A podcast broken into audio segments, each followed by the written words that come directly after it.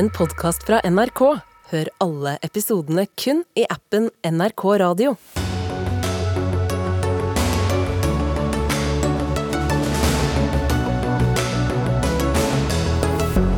I kveld gjøres nok et forsøk på å få valgt USAs tredje mektigste person. Er det på det tolvte det skal skje? Regjeringen gjenåpner politistasjoner, men får kritikk fra dem som skal jobbe der. Burde heller satset på flere politifolk i gatene enn på nye kontorer, mener Politiets Fellesorganisasjon.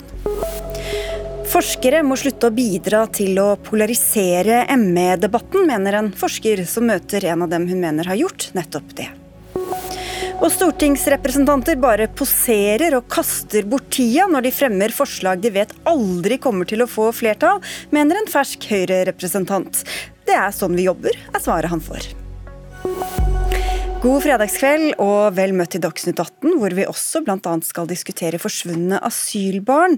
Men vi begynner altså i USA, der nå klokka 18 Eh, som Representantenes hus skal gjennomføre den tolvte avstemmingen for å velge en ny leder av landets underhus. Og Det skjer på dagen to år etter stormingen av eh, Kongressen. Elleve ganger gjennom uka så langt er altså den republikanske kandidaten Kevin McCarthy blitt nedstemt. Sigrid Rege Gårdsvold, du er kommentator i Vårt Land og med i podkasten Amerikansk politikk. To år altså i dag siden kongressbygningen ble stormet. Har politikere som støttet stormingen nå funnet en annen måte å demonstrere på? Det kan du kanskje si, men det er jo òg eh, politikere som, som implisitt eh, støtter den stormingen, som er på Kevin McCarthy sitt lag. sånn at det, den gruppa som nå står mot eh, spikerkandidaten, de er nok litt delt i motivasjonen. De har nok litt ulike inngang til dette. Hvorfor er det så viktig hvem som får denne oppgaven? Altså, Først og fremst er det jo viktig akkurat her og nå, fordi at ingen av representantene i Kongressen får ta sete før etter at de har valgt uh, speaker. Uh, men speakeren er jo òg den mektigste personen i Kongressen. Han er vedkommende er tredje i andre i rekka til presidentskapet hvis det skulle skje noe. Og det er den personen som òg styrer på en måte veldig mye av det som skjer dag til dag, og bestemmer når ting skal behandles i Kongressen, og, og, og styrer mye av det som skjer, og hvordan det skjer. Jan Arild Snoen, du er skribent eh, i Minerva bl.a. og forfatter. Hvordan ser du på dette spillet som foregår nå? Nei, det, er jo, det er jo merkelig, fordi det er vanskelig å se at de skal få noe positivt ut av det. I hvert fall at partiet skal få noe positivt ut av det. Noen av disse det er jo 20 pluss 1 avholdene som, som, er denne gruppa. Noen av dem er ute etter verv. altså De vil ha komitélederverv og sånne ting. Eh, andre er ute etter noen politiske innrømmelser ellers. Men noen ser ut til egentlig bare å være ute etter å være i media. altså å være, altså They fight, som de sa om Trump. altså De kjemper for et eller annet, men nå kjemper de mot sitt eget parti, og det er litt annerledes. Hvor samkjørt ser det ut til at de er, da? Ja, De har jo holdt sammen da, gjennom disse elleve avstemningene. Eh, så de er nok ganske samkjørt. og Mange av dem tilhører også en fraksjon i partiet, den såkalte Freedom Caucus i Kongressen. De aller fleste av dem gjør det. Eh, så dette er folk som stort sett kjenner hverandre fra før. Eh, og som er, ofte er på, på lag, men i litt ulik grad. Da. Noen av dem er skikkelig verstinger, mens andre er da si, mer Jeg vet ikke hva vi skal kalle det, men Litt mindre verstinger, da. Gårdsvold, hvor lett er det å drive med politikk nå da i USA mens dette pågår? Det er jo bortimot helt umulig. Vi har et, Den har et senat som er i funksjon, men de får jo ikke gjort så mye de heller uten at eh, Underhuset er på plass. Det er jo ganske dramatisk for hovedstaden Washington DC. Alle alle ting som vedtas i bystyret der, må innom eh, Kongressen og innom spikeren for å bli sett på. Eh, og det, det, kan jo ikke nå skje. sånn at alt, som, alt politikk der må stå i bero til en har dette på plass. Det er altså på dagen to år siden denne stormingen, eh, Snoen. Og både før og etter den tid så snakket, har vi snakket mye om institusjonenes, hvor viktig det er med institusjoner som står imot som et bolverk også bl.a. mot ekstremisme både i USA og andre steder. Hva, Hvordan ser du på det i lys av det, som skjer der nå i Kongressen? Nei, nå er det altså det at det nå ikke skjer, skjer noe, eh, det er ikke veldig viktig eh, på kort sikt i hvert fall. Det ble gjort viktige vedtak like før jul av den liksom utgående eh, kongressen som finansierer staten bl.a. Så det haster ikke sånn sett, bortsett fra altså akkurat det med DC og litt sånne spissfindigheter. Men det innevarsler jo også dette at det blir veldig lite samarbeid, kanskje ikke noe samarbeid i det hele tatt mellom huset og senatet og presidentembetet. Eh, så republikanerne kommer til å blokkere. Det gjør de også med Kevin McCarthy. men enda mer, kanskje, hvis det blir noen andre, eller hvis, altså, hvis de får enda mer gjennomslag, disse på ytterfløya.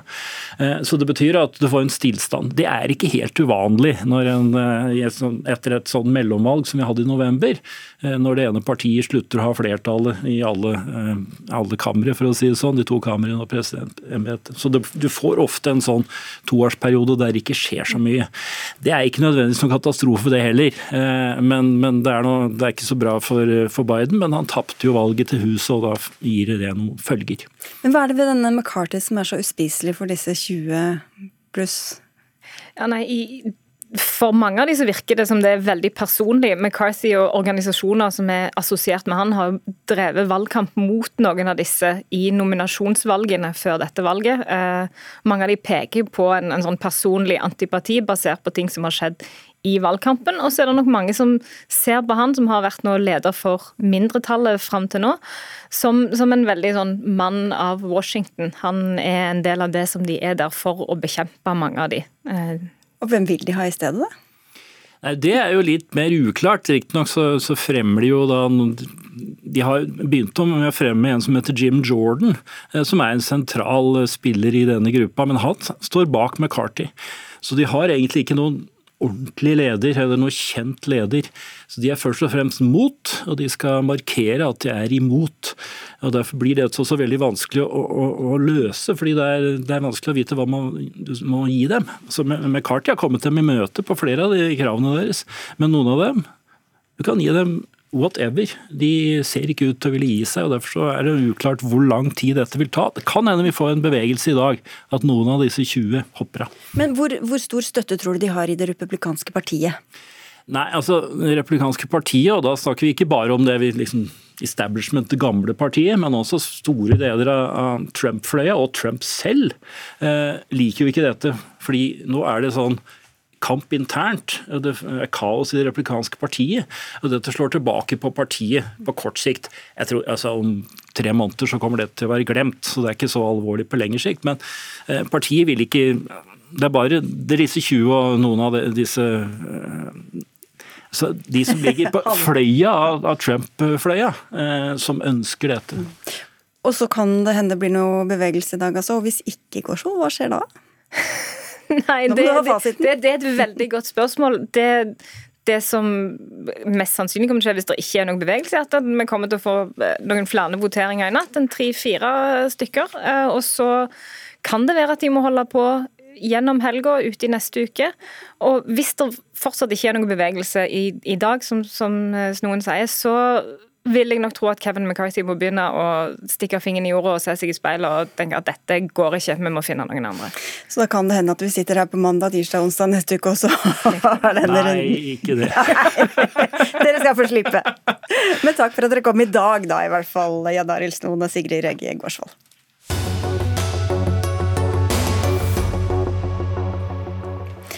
Regjeringen regjeringen gjenåpner flere politikontorer til jubel, men også til kritikk. I dag kom en liste over tjenestesteder med nye politistillinger som skal åpnes i år. Neste år ytterligere elleve. Under Solberg-regjeringas eh, nærpolitireform gikk vi fra 340 til 217 tjenestesteder. Nå skal altså tallet opp igjen, men du sier det er feil bruk av penger, Unalma Skatvold. Du er eh, leder i Politiets Fellesforbund. Hvorfor er det det? Nei, jeg mener at Nærpolitireformen lovde jo en del at man skulle komme nærere befolkninga, og man skulle bygge opp sterkere faglige miljøer. Og så har evaluering vist at spesielt på det med å komme nærmere, har vi ikke lyktes helt. Eh, så jeg syns intensjonen bak det som legges fram nå er godt. Eh, men så er det en utfordring at budsjettene ikke økes, at man skal ta av de eksisterende ressursene. og Da er jeg redd for at det kommer til å gå på bekostning av det som vi allerede har bygd opp. Så jeg syns det er litt uforsvarlig, uklokt i den situasjonen vi er i akkurat nå. Hva kan det gå på bekostning av? Nei, Den samme evalueringa som jeg viser til, er jo ganske tydelig på at grunnen til at man ikke lyktes med begge de målene her, var for at ikke det var nok ressurser satt av. For det var ganske store mål som ble satt. Eh, og Den samme evalueringa sier jo da at dersom man bygger opp nye enheter på, uten at det ressurssettes, så vil det kunne gå på bekostning av bl.a. etterforskning av alvorlig kriminalitet. Det støttes også av politiet, og det støttes også av Riksadvokaten. Så det er det jeg er bekymra for, for der begynner vi å bli gode nå, og da er det synd hvis det skal trappes ned igjen.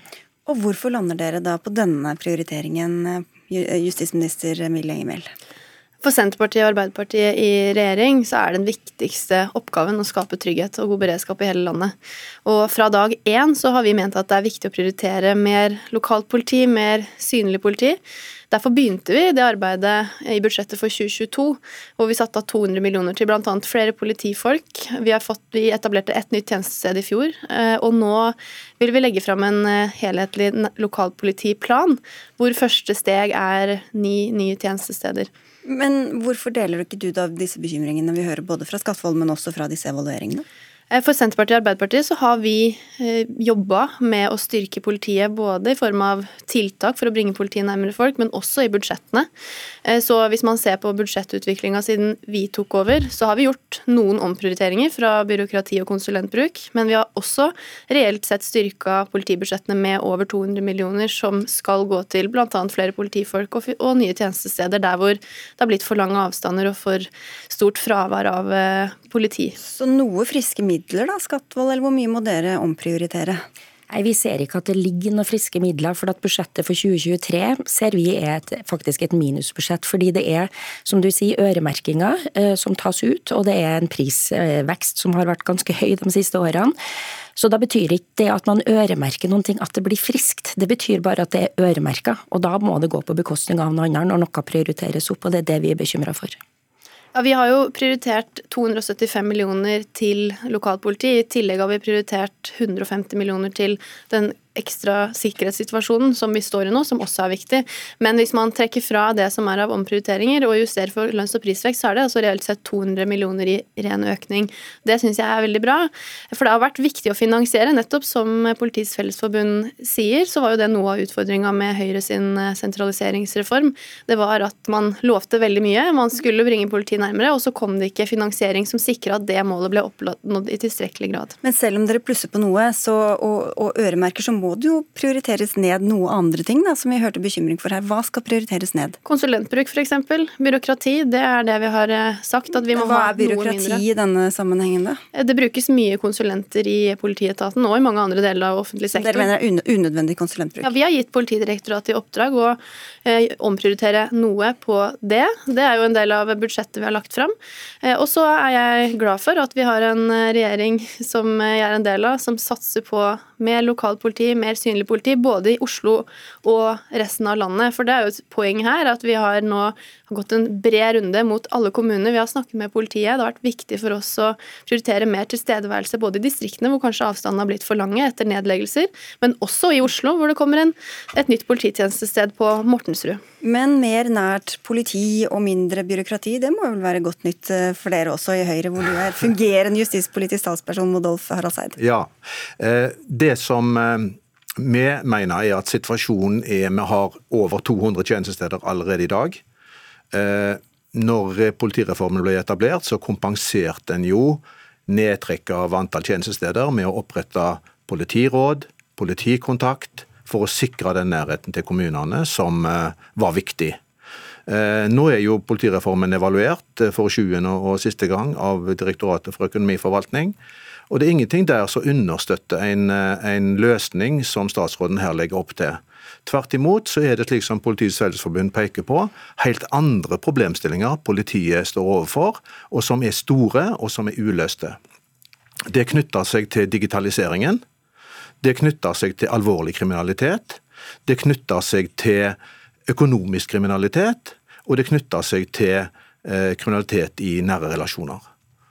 Vi har jo varsla mange tiltak for å styrke politiet. Vi eh, begynte med å øke opptaket på Politihøgskolen i fjor. Vi fikk flere politifolk på plass i både politiet og PST i fjor. Vi eh, har kjøpt inn eh, over 350 nye biler i 2022, som er viktig for beredskapen i hele landet. Vi kommer til å legge fram en lokalpolitiplan for å styrke politiets tilstedeværelse og forebygging i hele landet. Og nå er dette ett av de tiltakene som vi legger fram i dag. Og så vil vi også f.eks. legge fram en stortingsmelding om økonomisk kriminalitet aktivitet, som jeg er helt enig er viktig. Men det er viktig for folk at vi har eh, et politi som er til stede i hverdagen, kan ha gode samtaler med folk, og jeg mener at eh, de nye, nye tjenestestedene vil eh, bidra godt til det. Du skal få svare, Harald Seid, men vi skal få inn en fjerde person her også. Terje, Terje Langflon, du er ordfører i Engerdal kommune for Samlingslista. og er blant dem som sier til oss i dag at du er glad for at det gjenåpnes et polititjenestested i kommunen. Hvorfor er dette så viktig for deres lokalsamfunn? Jo, det er viktig for en kommune som Engedalen uh, å få, få, nærhet til politi. Uh, og det samme om det har vært en nærpolitireform, så er det ingen tvil om at politiet kommer nærmere med et eget tjenestested i kommunen. Engerdalen kommune er en stor kommune i, med lange avstander og mye turisme. Og to ubemannede grenseoverganger, og da er det veldig viktig å ha et tilstedeværende og tilgjengelig politi i kommunen. Men hvorfor er det så viktig å ha et eget kontor? Jo, det er uh, veldig viktig, for da har du den nærheten og den tilgjengeligheten som du ikke får med å ligge under en, eh, en, eh, et polititjenestested mange mil unna. Uh, kanskje minimum en time kjøre, kjøring fra uh, kommunesenteret og til det politi, polititjenestestedet. Harald Seid, du er her for Høyre, men du jobber til vanlig i politiet, og dette ja. kjenner du deg kanskje igjen i? Ja, altså det, det, det er klart at både folk på Mortensrud og ellers hvis de eh, opplever at det som må til er en fysisk lokasjon for å få politi, så er det jo veldig mange som vil komme løpende etter og òg kreve egen lokasjon. Det, poenget er at disse pengene tas fra den samme pengesekken, og her bruker vi veldig mye til å etablere sjølve kontorene, til å betale for bygninger, strøm og lys. Vi mener at de pengene burde vært brukt til politi, til, den, til å etablere den nærheten til folk som alle vil ha. Ja, Det samme mener vi. For det, det er nå engang sånn at når ordføreren har svart på hva de ønsker seg, så er det ikke så mange som peker på enheter. Det de peker på, er at de ønsker seg mer synlig politi, de ønsker seg mer patruljering, de ønsker seg mer forebyggende virksomhet mot barn og ungdom, og de ønsker seg bedre bruk av politikontaktordninger. Og da mener vi at det har vært mer fornuftig å bruke ressursene på akkurat det, kontra nye leiekontrakter, strømutgifter, ledelse, bygninger osv., som koster mye. Og det kan vel også kalles byråkrati, Emil? Nei, dette er eh, polititjenestesteder som skal være en ressurs for lokalsamfunnet, som skal skape Men mer nærhet. Byggene i seg selv er vel ikke noen ressurs? Vi, jeg har tro på at vi finner gode løsninger for dette. F.eks. i Sigdal, hvor eh, det skal komme et nytt polititjenestested, så har kommunen sagt seg villig til å stille arealer til disposisjon, og nå skal politiet gå i dialog med kommunen om dette. Og så må jeg få si at Høyre kritiserer jo penger som de selv er imot å bruke. Høyre har lagt inn i sitt budsjett for 2023 et kutt på nesten 400 millioner kroner i politiet. Det er tilsvarende f.eks. 300 politistillinger eller ganske mange nye biler eller nedleggelse av enda flere tjenestesteder, som de fortsatt ikke har sagt hvordan de ønsker å kutte i. Så det er jo helt greit at de har det synet, men da mener jeg også at de må være ærlige i hva de egentlig ønsker for politiet, som er mer sentralisering, mer kutt, mer nedleggelse. Ja, Hva skal dere nedprioritere? Det er ingen som har prioritert politiet mer enn de to siste regjeringene til Høyre. Hvis dere gir mindre penger, så må noe miste penger. Jeg forholder meg altså Dette er et spørsmål om hvordan du bruker ressursene effektivt. Og det er det vi kommenterer. Vi vil ha ressursene til politi, til synlig politi, ikke til synlige kontorer. og Det er det som på en måte er forskjellen mellom regjeringen og, og Høyre. Men jeg bare, jeg bare lurer på en ting, Langflon. Hvis, hvis, dere får kontor og politi som er mer som bestandig hos dere, da blir det vel lengre unna for andre, da, eller? Nei, jeg kan ikke skjønne hvorfor det skal bli lenger unna for andre. Dette skal jo komme i tillegg til det tjenestestedet som vi ligger under i dag, i Trysil. Så dette gir jo bare kortere avstand for oss uh, i utkanten av det distriktet. Ja, hvordan, det er litt forvirrende når man snakker om nærpoliti og, og hvor, mange, hvor mange kontorer. Hvor skal disse politifolka være egentlig hele tiden? Altså Det er viktig det han sier, det må komme i tillegg til og ikke istedenfor. Og det er det vi frykter at det skal komme istedenfor. Eh, mer patruljer ut på hjul, mer folk rett og slett ut i biler tror vi er løsninga. Eh, og bedre også på digitalisering. Og det, og det blir det mindre av hvis de har flere kontorer? Ja, for det vil koste å ha flere kontorer, og, og, du må ha ledelse, og du må ha strøm, og du må ha ikke sant? Det er samme pengesekken ja. det skal gå av. Og så må jeg, må jeg få si en ting til, for det stemmer det der med budsjett og den biten der. Med Høyres budsjett, tenker du på? Ja, det gjør det, og det, det jeg blir litt oppgitt over, er også den bruken som snakkes om i forhold til konsulentbruk. Det blir en sånn floskel for meg, det byråkratisering og konsulentbruk. En av grunnene til at norsk politi har måttet ha brukt store summer på konsulenter i det siste, er fordi at vi er i en digital steinalder, og vi tiltrekker oss ikke digital kompetanse i politiet med de lønningene som er der. Så vi må hente konsulenter utenfra hvis vi i hele tatt skal komme oss opp og nikke digitalt. Så det går ikke an å både satse på digitalisering og kutte konsulentbruken samtidig, mener du da, eller? Nei, sånn som det er nå, så er det det som er mye av konsulentbruken i norsk politi, og det vil være ødeleggende hvis vi kutter det. Så jeg, så jeg tenker at vi bør heller kunne snakke om hva det er vi skal gjøre for å øke framover, for å nå det som har vært målene i reformen, for vi er et stykke unna. Ja, jeg er helt enig i intensjonene til Politiets Fellesforbund, så mitt poeng er bare til min politiske motstander jo, men Høyre bare svar på dette, Hvis dere både skal og, kutte konsulentbruken, som er helt nødvendig for å drive med den digitaliseringen dere skal satse på, hvordan henger det sammen? Vi mener det er riktig å omprioritere noe konsulentbruk. Nå er politibudsjettet på over 20 milliarder kroner. Eh, hvordan skal de digitalisere da? Av, satt, ja, Politibudsjettet er som sagt på over 20 milliarder kroner. Av det så er det en omprioritering på ca. 200 millioner, så det er jo en liten prosentandel. Og 75 millioner av de har vi sagt at vi ønsker å bruke på mer lokalt tilstedeværende politi, hvor ett av flere tiltak er flere tjenestesteder i, i ni kommuner rundt i Norge. Og Det mener jeg er viktig for å forebygge f.eks. Ungdoms- og hjemkriminalitet i Oslo. I dag eh, har jeg fått mange gode tilbakemeldinger også. Det var en dame på Mortensrud som kom bort og sa at jeg er så glad for dette, for vi står i disse utfordringene hver dag. Vi trenger politiet mer her. Det er mange som har spilt inn det også til oss, og vi ønsker å eh, ha flere tanker i hodet samtidig. Vi skal jobbe med digitaliseringsutfordringene i politiet, vi skal jobbe mot økonomisk kriminalitet, men vi skal også sørge for at det er godt synlig lokalpoliti i hele landet, med flere folk og noen nye tjenestesteder. Det, det, er nettopp det at eh, hvis det er gjennom tjenestesteder en skal sikre nærhet til folk, så er det feil vei å gå. Det er folkene som må sikre nærhet til folk. Men det jobber jo politifolk ved et tjenestested, så det er jo litt kunstig når man snakker om tomme lokaler og bare lys. Altså, hele poenget er jo å få politifolk som har en mer fast tilknytning til eh, lokalsamfunn. Vi har jo også lagt opp nå til at vi styrker f.eks. Seljord, som Høyre har tappa for ressurser, med fire årsverk. Eh, vi styrker eh, Hitra, vi styrker Frøya. Det er eksisterende tjenestesteder hvor vi har fått tilbakemeldinger om at det har blitt likevel for fraværende tjeneste. Så her er det mange gode nyheter som ligger i løypa, men jeg er glad for at vi nå, vi nå kommer videre med et viktig prosjekt for regjeringen, som er styrkede lokalpolitiet. Og i Engerdal så føler dere dere litt tryggere fra og med i dag, Langflon? Ja, absolutt. Og ikke minst så eh, Engerdal kommune satser eh, store summer og oppretter stillinger innen beredskap, forebyggende og tidlig innsats. Eh, og der har jo politiet sin naturlige plass for å være med å øke forebygginga og økt synlighet og økt kommunikasjon. Så det, det er jo det som er viktig. Tjenestene mot innbyggerne våre. Politidistriktene har jo de pengene de har. Og det er jo politimestrene som må finne løsningene med en helhetlig tilnærming til hvordan folk skal møtes. Jeg tror bare jeg sier at med alt det som ligger her, så gleder jeg meg til revidert budsjett til våren og budsjettbehandling 2024, tenker jeg. Da spenner vi forventningene høyt til deg, justis- og beredskapsminister Emilie Enger Mehl fra uh, Unalma Skatvold, som altså er leder av Politiets Fellesforbund. Takk også til um, deg, Modolf Haraldseid fra Høyre i denne sammenheng, og Terje Langflon, som er ordfører i Engerdal kommune.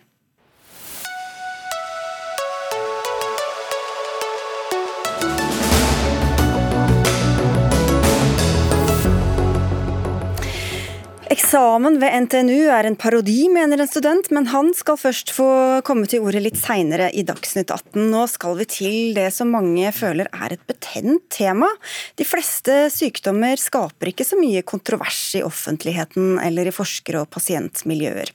Men med utmattelsessyndromet eller sykdommen ME så er det annerledes. Her er det mye mistro og splid på kryss og tvers. Særlig går det på om man først og fremst skal betrakte det som en fysisk, biologisk eh, sykdom og lete etter løsninger her, eller om man snarere først og fremst skal fokusere på det man kan gjøre mentalt og kognitivt. I en artikkel i forskning.no så advarer du mot det du beskriver som nærmest en krigstilstand, eh, Anne Kjersti Befring. Du er førsteamanuensis i rettsvitenskap ved Det juridiske fakultetet i Oslo universitet, og har ansvar for faget helserett. Hva er det som er blitt som krigslinjene her?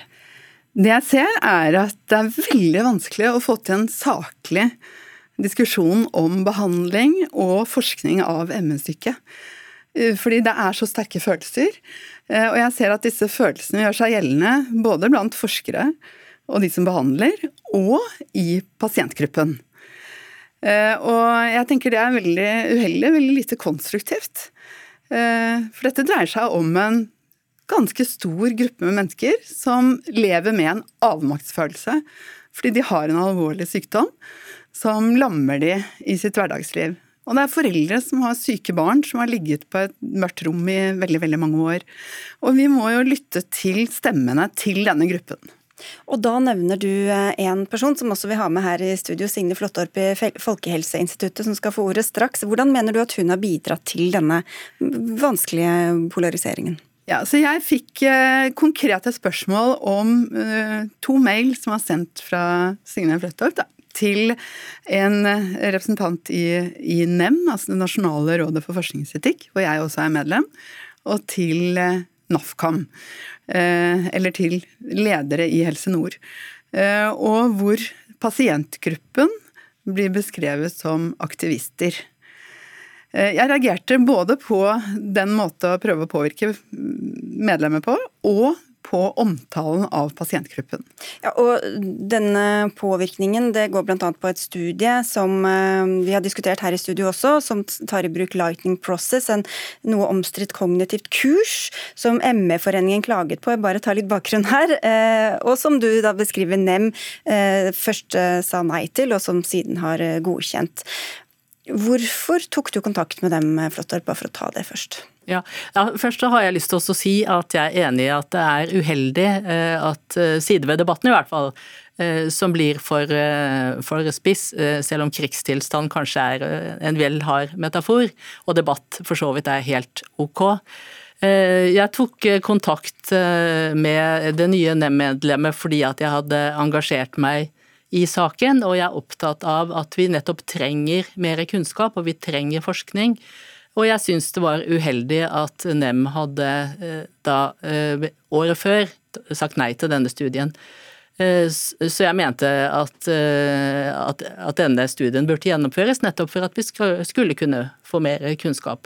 Og så har jeg da, eh, da denne mailen såkalt ble avslørt, sagt at jeg selvfølgelig helst burde ha sendt den mailen til sekretariatet i NEM. Og NEM har jo for så vidt også gjort rede for at altså, hvem som er medlem i NEM er offentlig kjent, og det er jo ikke det, er ikke, det, det skjer det at folk tar kontakt og snakker med NEM-medlemmer. Det er ikke forbudt, men at det er mer hensiktsmessig at det går til sekretariatet. Hvorfor er det så uheldig å prøve å påvirke på den måten, da? Jeg er veldig opptatt av at eh, når vi sitter i sentrale offentlige posisjoner i forvaltningen, at man kan delta i den offentlige debatten åpent, eh, og at man ikke bruker bekjentskaper til å prøve å påvirke. For inngangen til denne mailen var jo bekjentskap. Eh, og jeg tenker det hadde vært noe helt annet om hele NEM hadde fått denne eh, e-mailen, eh, istedenfor at man sender det til en, et nytt medlem, og hvor man beskriver pasientene som aktivister og tidligere NEM-vedtak som er håpløst.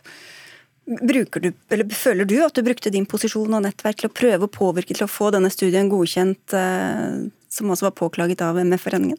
Nei, altså Jeg har sagt at jeg burde sendt det til dem. Jeg vil presisere jeg har aldri omtalt ME-pasienter som aktivister. Det, og det har jeg sagt flere ganger, så det, det er viktig å få sagt at ME-aktivist og ME-pasient er ikke det samme. Uh, og jeg, uh, altså som, uh, som, ansatt ved FHI, så oppfordres vi faktisk til å delta i den offentlige debatten. Sånn at jeg tror ikke det er noe hemmelighet at jeg holdt på å si hovedstrategien min er å sende hemmelige mails. Jeg har Eh, deltatt eh, ganske mye i den offentlige debatten gjennom mange år. Eh, så, så, så jeg driver ikke og, med hemmelige kanaler. Jeg er enig i det at det skal ikke være noen hovedstrategi, men, men det mangler jo ikke på offentlig debatt. Og sånn som jeg da også fikk skjønne gjennom den debatten som fulgte etter dette. Jeg hadde jo ikke noe illusjon om at dette skulle påvirke dem alene. og ja, mm. Folk kan tenke selv. ja. Så ble den godkjent til slutt, da. Eh, om det hadde noe med deg å gjøre eller ikke, det er vanskelig for oss å, vite. Men eh, ja, Befring? Ja, jeg tenker at eh, det vi mangler litt i denne debatten, det er en Eller det jeg vil etterlyse, det er respekt for stemmer som er uenig i at man skal legge, altså bruke denne modellen med tre dagers kurs da, Eh, for bredt på en gruppe som er så uensarta. Altså, det er så mange grunner til at du kan få ME. Eh, det er jo barn som har fått det etter kyssesyken, f.eks. Eh, det kan være grunner vi ikke kjenner til. Og jeg tenker her må det tverrfaglighet inn. Og så må man lytte til denne pasientgruppen. Man må få med motstemmene. Eh, og det gjelder også fra de som har engasjert seg. De av pasientene som da har engasjert seg og organisert seg, de er også en viktig eh, del av dette. Man må lytte til dem. Og komme bort fra den der historiske tradisjon eh, Det er jo en historisk tradisjon for at man vil dempe motstand fra pasientgrupper. Altså Man må bort med det og få de stemmene opp og lytte til dem. Ja, nei, Jeg er selvfølgelig enig i at man skal lytte til eh, motstemmer, altså både pasienter og andre. Det er jo den type faglige debatt vi trenger, og at pasientene stemmer i all forskning eh, er veldig viktig. Eh, hvis vi skal på en måte se på, løfte, løfte dette litt, perspektivet på ME-debatten, så tror jeg at at en viktig årsak til at dette er en vanskelig debatt, er jo nettopp at pasientene eh, kan føle seg avvist av helsetjenesten. Eh, altså du har, du har symptomer som er utmattende og som reduserer livskvaliteten betydelig. Og så får du da kanskje høre at vi finner ikke noe, prøvene viser ikke noe galt vi har ikke noe å tilby deg, det er ikke noe vi kan gjøre med dette, eventuelt blir du en kasteball mellom ulike spesialister. Eh, det betyr ikke at ikke eh, en del pasienter får god hjelp av fastlegene sine og eventuelt andre, eh, men jeg tror dessverre for ofte at, at pasienter som har uforklarte altså sånn, ikke det er noen biomedisinsk forklaring på, da, opplever seg ikke hørt og ikke sett, og at de ikke får et adekvat eh, tilbud. Hva kan man gjøre da for å gjøre dette mindre betent og vanskelig og sårt for dem som det gjelder?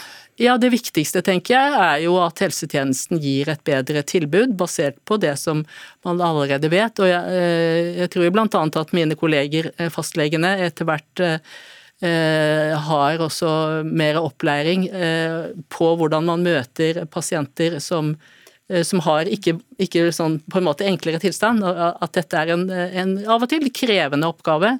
Og så er det dette med at vi, vi trenger faktisk mer forskning. Vi trenger å, å, å, gjennomføre studier både i Norge og internasjonalt.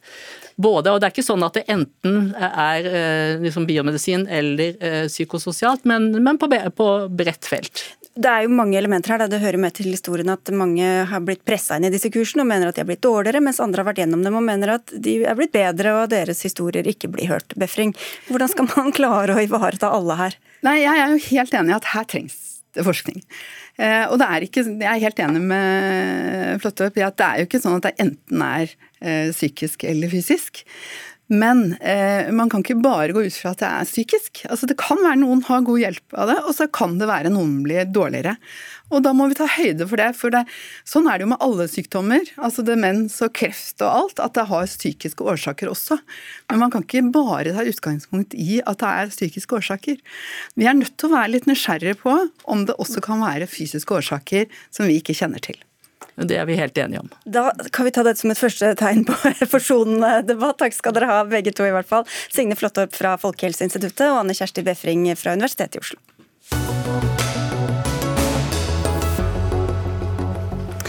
Da kommer justisministeren vandrende tilbake i studio, og godt er det, fordi vi skal snakke om eh, de forsvunne asylbarna. Regjeringen vil foreløpig ikke sette i gang noen granskning av alle barna som er forsvunnet fra norske asylmottak.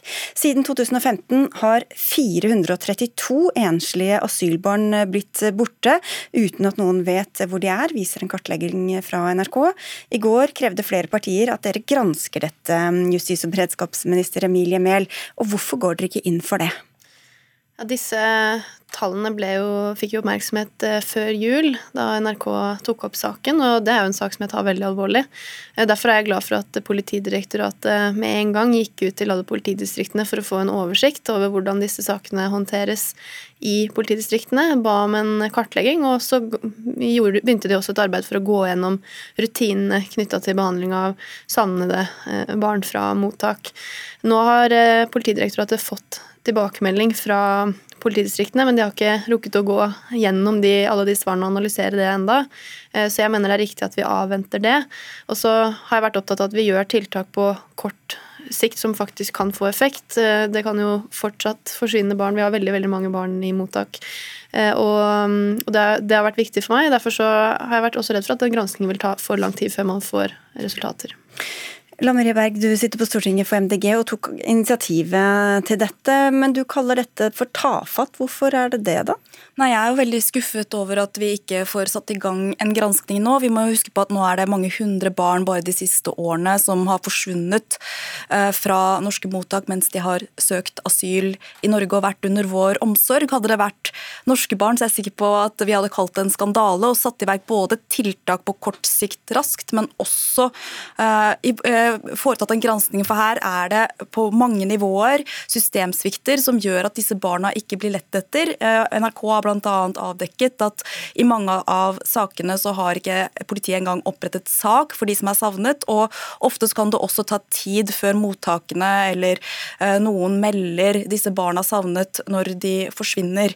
Eh, og det er alvorlig. Vi vet at dette er noen av de mest sårbare barna. De kan være offer for menneskehandel, for prostitusjon, og Norge har over en rekke år fått ganske kraftig kritikk fra en rekke FN-organer, og også Norsk institutt for menneskerettigheter, eh, som er det organet organet som Stortinget har oppnevnt for å ivareta, sørge for at vi ivaretar menneskerettighetene, sier at vår behandling av asylbarna i Norge er eh, det mest eksplisitte og tydelige bruddene på menneskerettighetene som vi har i Norge. Men, men hva er egentlig forskjellen på den, hva skal den granskningen innebære som ikke disse tiltakene allerede omfatter? Nå vet vi at det er eh, rundt 1000 barn som siden 2001 har forsvunnet mens de har søkt asyl i Norge og vært enslige mindreårige asylsøkere her. Eh, det er hvorfor de har forsvunnet, hva, eh, hva, som har vært grunnen, hvor de har havnet den, hva som har sviktet i systemet på veien, det vet vi ikke. Og det mener jeg at det burde vi uansett gå inn for, og det er ikke bare MDG som mener det. Nesten alle partier på Stortinget har nå sagt at de eh, ønsker å gå inn for en gransking, bortsett fra Høyre og regjeringspartiene Senterpartiet og Arbeiderpartiet. Og Hvorfor kan man ikke gjøre det parallelt med de tingene du snakker om, Mel? Jeg mener at riktig prioritering av ressursene nå er at politiet nå gjør en skikkelig jobb for å gå gjennom dette. At vi får oppdatert eh, de rutinene og retningslinjene som er på håndteringen, og finner ut mer om hva Når skal man sette i gang en eventuell granskning da? Nei, det må vi komme tilbake til om er riktig tiltak, eh, når vi har fått tilbakemeldinger fra Politidirektoratet. Men, men tror du at vi bare hadde sittet og sett på at mange hundre norske barn forsvant sporløst sånn gjennom årene? Man skal være litt forsiktig med å konkludere med at politiet hadde behandla norske barn annerledes enn enslige mindreårige asylsøkere som forsvinner. Eh, hvis det er eh, mistanke om at barn har blitt utsatt for noe kriminelt, så skal det opprettes sak og gjøres en etterforskning helt uavhengig av hvem det barnet er. Det er det viktig at skjer. Og så vet vi også dessverre at det er en utfordring i en del europeiske land, ikke bare Norge, at eh, personer, og også barn, forsvinner fra mottak. Det har vært gjort noe forskning på det. Noen av grunnene kan være, og det gjelder ikke alle, men det kan òg være at man frykter at man skal få avslag på opphold, eller at man f.eks. har familie i et annet land og velger å forlate mottaket.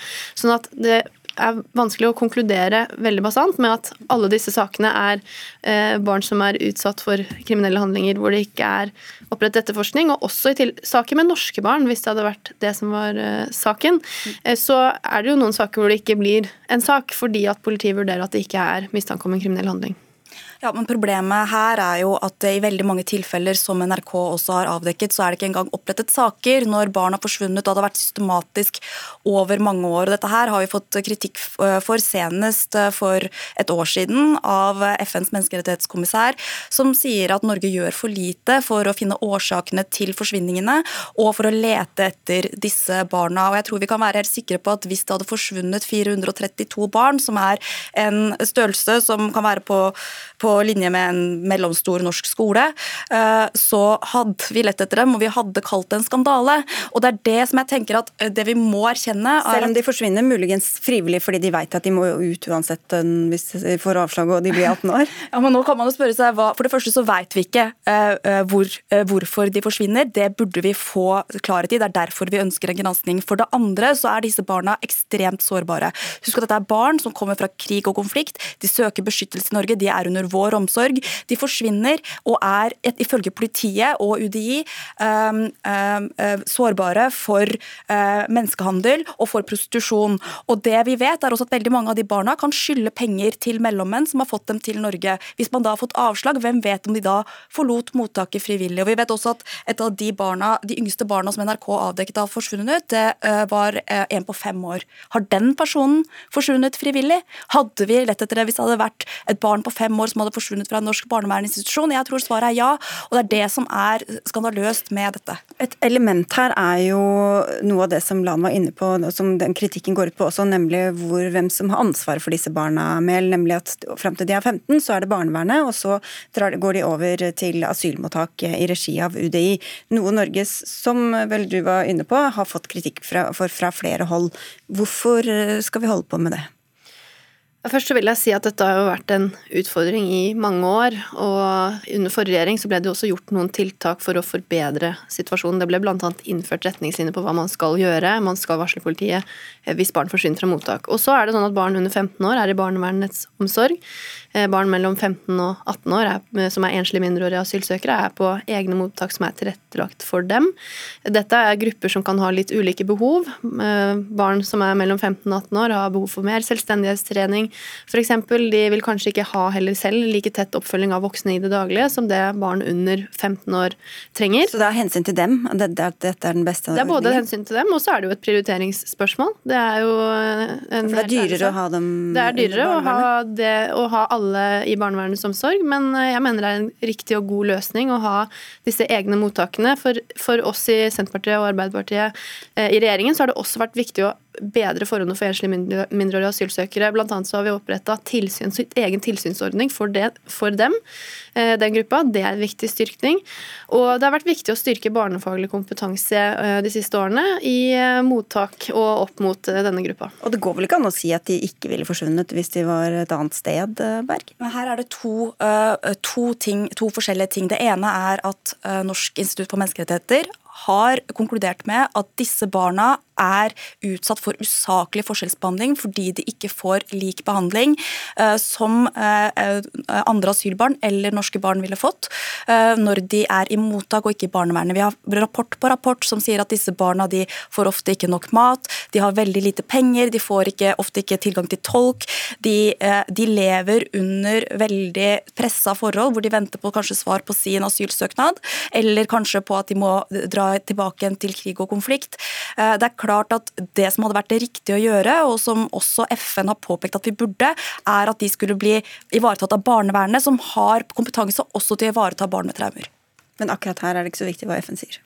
Jeg mener at vi har en god løsning i dag, og det betyr jo at disse barna er i mottak som er spesielt tilrettelagt for enslige mindreårige asylsøkere. For oss har det vært viktig å styrke tilsynsordningen med disse mottakene, som jeg sa i stad. Eh, sånn at her er det ikke det, det, er ikke sånn at det ikke er noen omsorg for, eh, for, disse nå. Eh, vi har gjort forbedringer, og i tillegg så er jeg veldig opptatt av at denne saken som vi konkret diskuterer, tas på alvor, og derfor er jeg glad for at Politidirektoratet tok tak i det før jul. Og da får vi se hva de kommer med etter hvert. Takk skal dere ha begge to. Emilie Mehl og Lan Marie Berg fra MDG.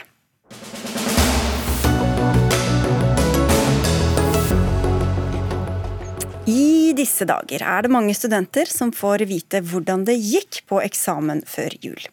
En viktig prøve der de skal få vise sensor hva de kan og alt de har lært, men noen av disse oppgavene rettes automatisk, som på avkrysningsoppgaver eller oppgaver med egne kodede felt som skal godkjenne et spesifikt svar. Elias Eide, du skriver om dette i Midtnorsk debatt. Du er vararepresentant på Stortinget for Høyre, men du er her i dag som sivilingeniørstudent ved NTNU. Og du kaller eksamen ved ditt eget universitet for en parodi. Hvordan da? Rett og slett fordi at eh, hele poenget med eksamen er at vi må få lov til å vise det vi kan. Eh, og med den eksamensformen som, som, vi har sett flere og flere av eh, nå, med avkrysningsoppgave og automatisk retting, retting eller eh, eksamener der en skal fylle inn svar, så får en ikke anledning til å vise hva en kan, rett og slett. For hvordan fungerer de eksamenene?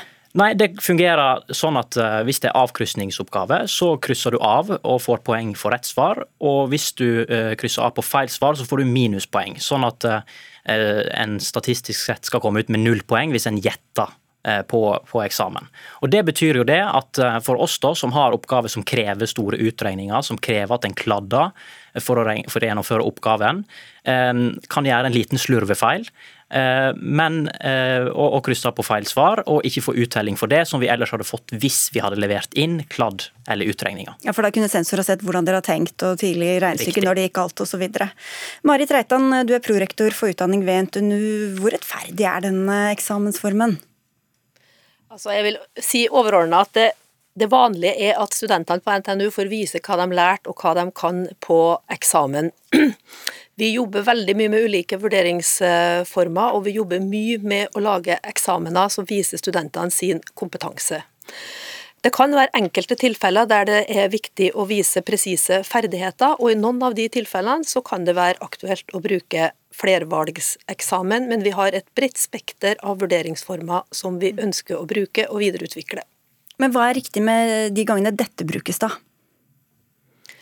For det første, jeg har lyst til å understreke at det brukes i et mindretall av våre eksamener. Altså, I 2022 så ble det registrert 6000 200 eh, skriftlige prøver i vårt eksamenssystem, og av dem så var det 107, altså under 2 som var, auto, som var flervalgsoppgaver.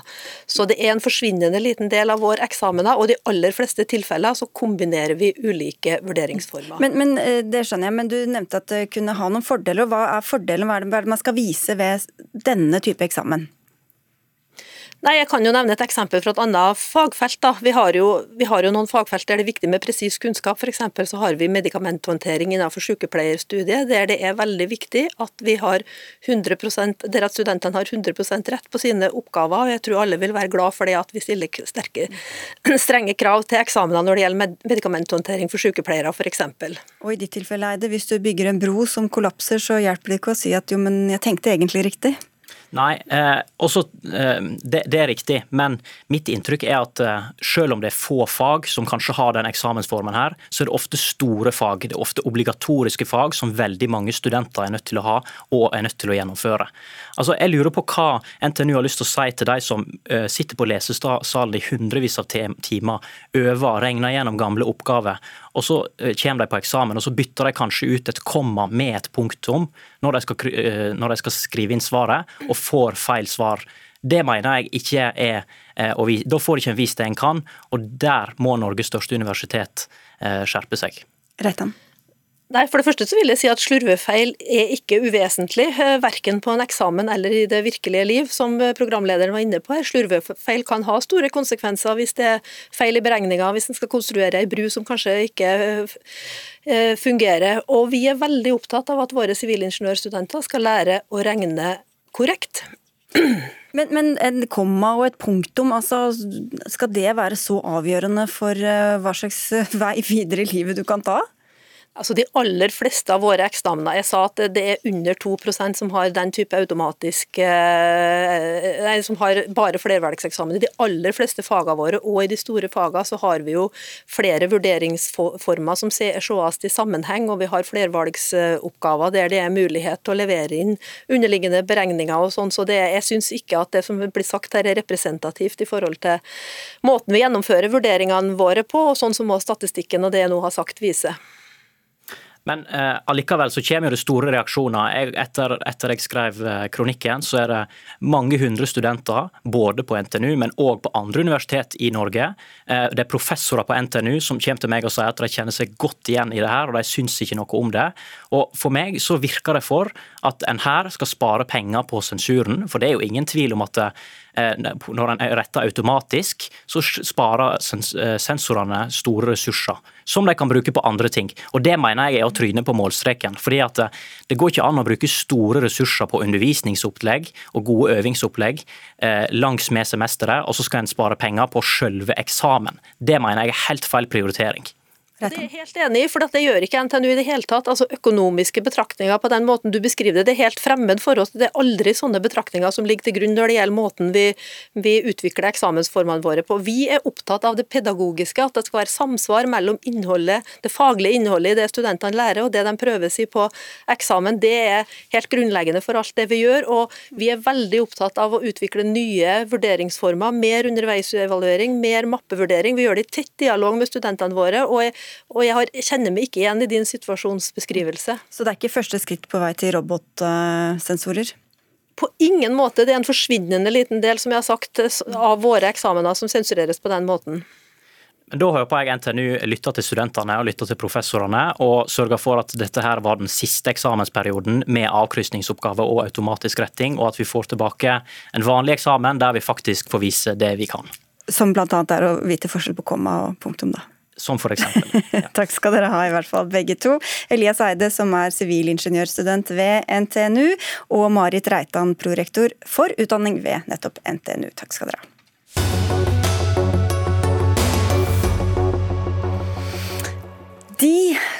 Kaster bort tida si på meningsløse saker, poserer og er bare opptatt av medieoppslag. Det er en ganske hard dom du feller over arbeidet kollegaene dine gjør på Stortinget, der du sitter som fersk representant for Høyre, Bård Ludvig Thorheim?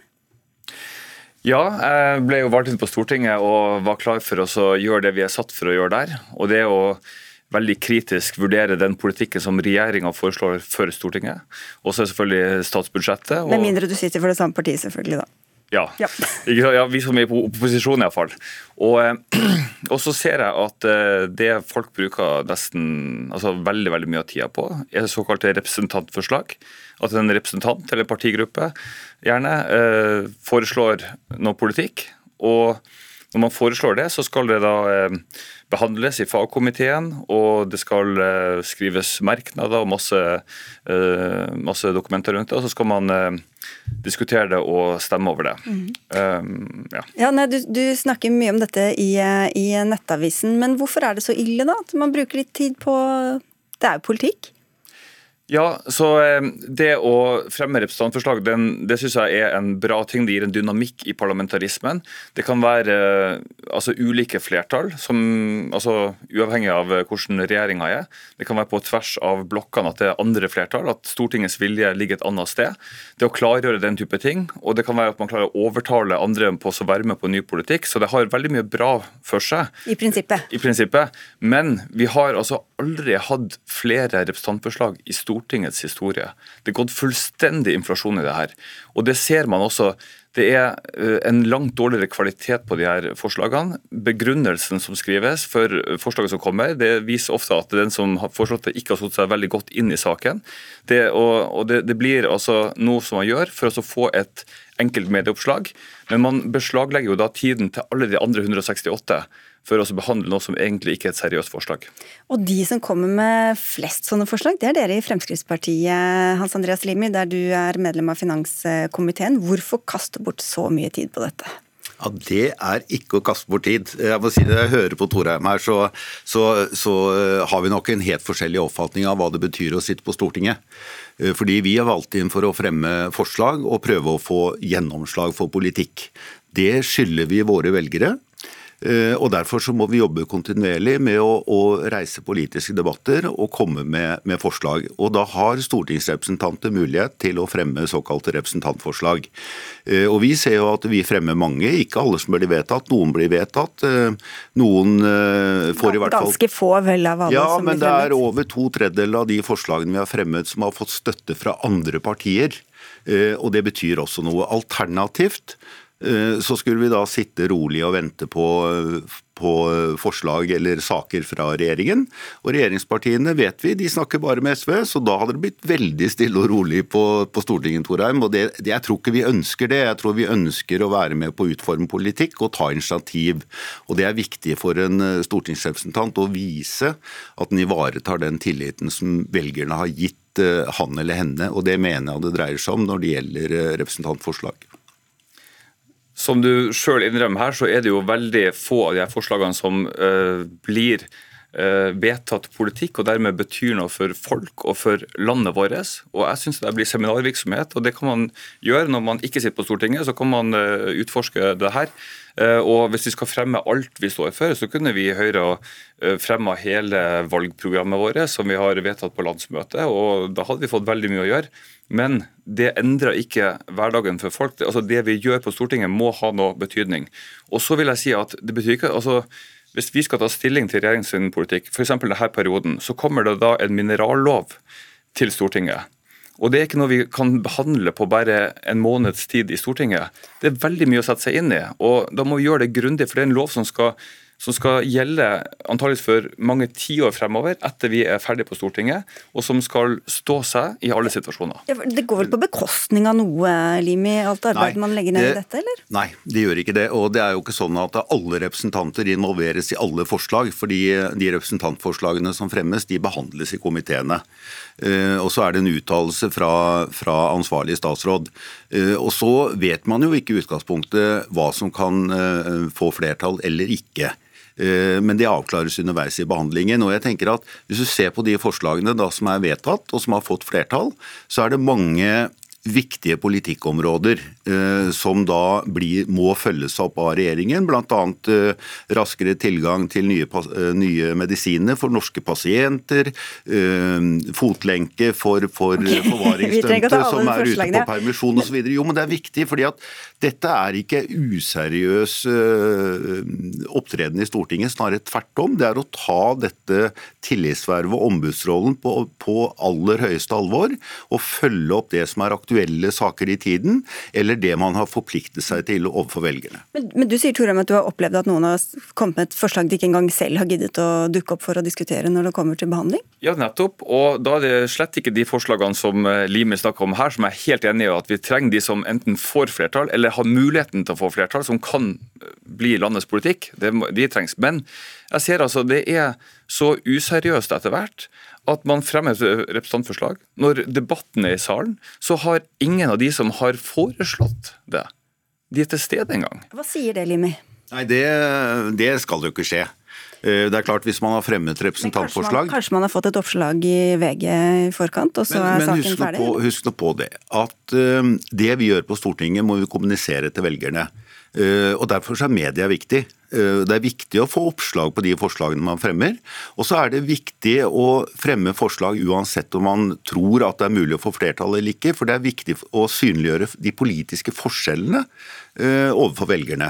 Og Det er en del av den politiske debatten, og det er viktig for velgerne slik at de kan orientere seg og vite hva de skal stemme ved neste valg. Så dette er en del av det politiske arbeidet. Og, og da tror jeg at vi, vi eh, skal bruke, fortsatt bruke tid på å behandle representantforslag. Ja, hvordan skal de ellers synliggjøre politikken og fremme den, eh, Tore? Det er veldig mange måter man kan gjøre det på. Vi har jo prosesser i partiene, og så har du på Stortinget kan du eh, fremme en interpellasjon, du kan stille et skriftlig spørsmål, du kan ha spørsmål i spørretimen. Eh, og du har, du har, rett og slett en, en rekke muligheter til å eh, flagge ditt standpunkt, eller ditt partis standpunkt. Og Det er veldig bra å gjøre, og det bør du prøve å få ut i media. Men eh, når man fremmer et representantforslag, så følger det med mye mer. For du legger beslag på store deler av Stortinget for å behandle det her over, over, lang tid. og Da bør det være eh, noe veldig seriøst eh, som ligger bak. og Man tenker at det her kan bli landets politikk, og da er det viktig. Og så bare si en ting til, Det har også med det prinsipielle å gjøre. Det forholdet mellom statsmaktene her. Vi må også huske hva Falsen tenkte om Stortinget, hva det skulle være. Det er, det er ikke bare seminarvirksomhet. Hvordan er det for en ringrev å høre en nykommer komme inn og beskrive arbeidet deres på Stortinget på denne måten? Det er, Det er eh, veldig subjektivt å skulle sitte og vurdere hva som er seriøst og hva som er useriøst. Eh, og jeg tenker at det vi trenger i, eh, i, Norge, som i andre land, det er gode politiske prosesser, gode politiske debatter. Det er viktig for demokratiet. Interpellasjon, ja. Skriftlige spørsmål, ja. Det benyttes. Men du får ikke vedtatt politikk gjennom å stille skriftlige spørsmål. og Derfor er det viktig at vi har representantforslag. og Det er jo, det er jo en del av, av vår forretningsorden og vår arbeidsform. Men har det hendt at noen har kommet til deg og sagt at du kan jeg stille et uh, forslag om dette, så sier du nei, det blir rett og slett for dumt? Jeg har ikke brukt det uttrykket, men, eh, men, eh, det er sånn at disse forslagene, selv om de stilles av representanter, så er de klarert i partigruppene. Så det er liksom partiet som stiller seg bak. det er en liten skranke der? Det er en skranke, ja. Ok, takk skal dere ha i hvert fall begge to, Bård Ludvig, Ludvig Thorheim fra Høyre og Hans Andreas Limi for at dere kom til denne ukas siste Dagsnytt 18, som var ved Anne Katrin Førli, Marianne Myrhol og meg, Sigrid Solund. Vi ønsker en god helg.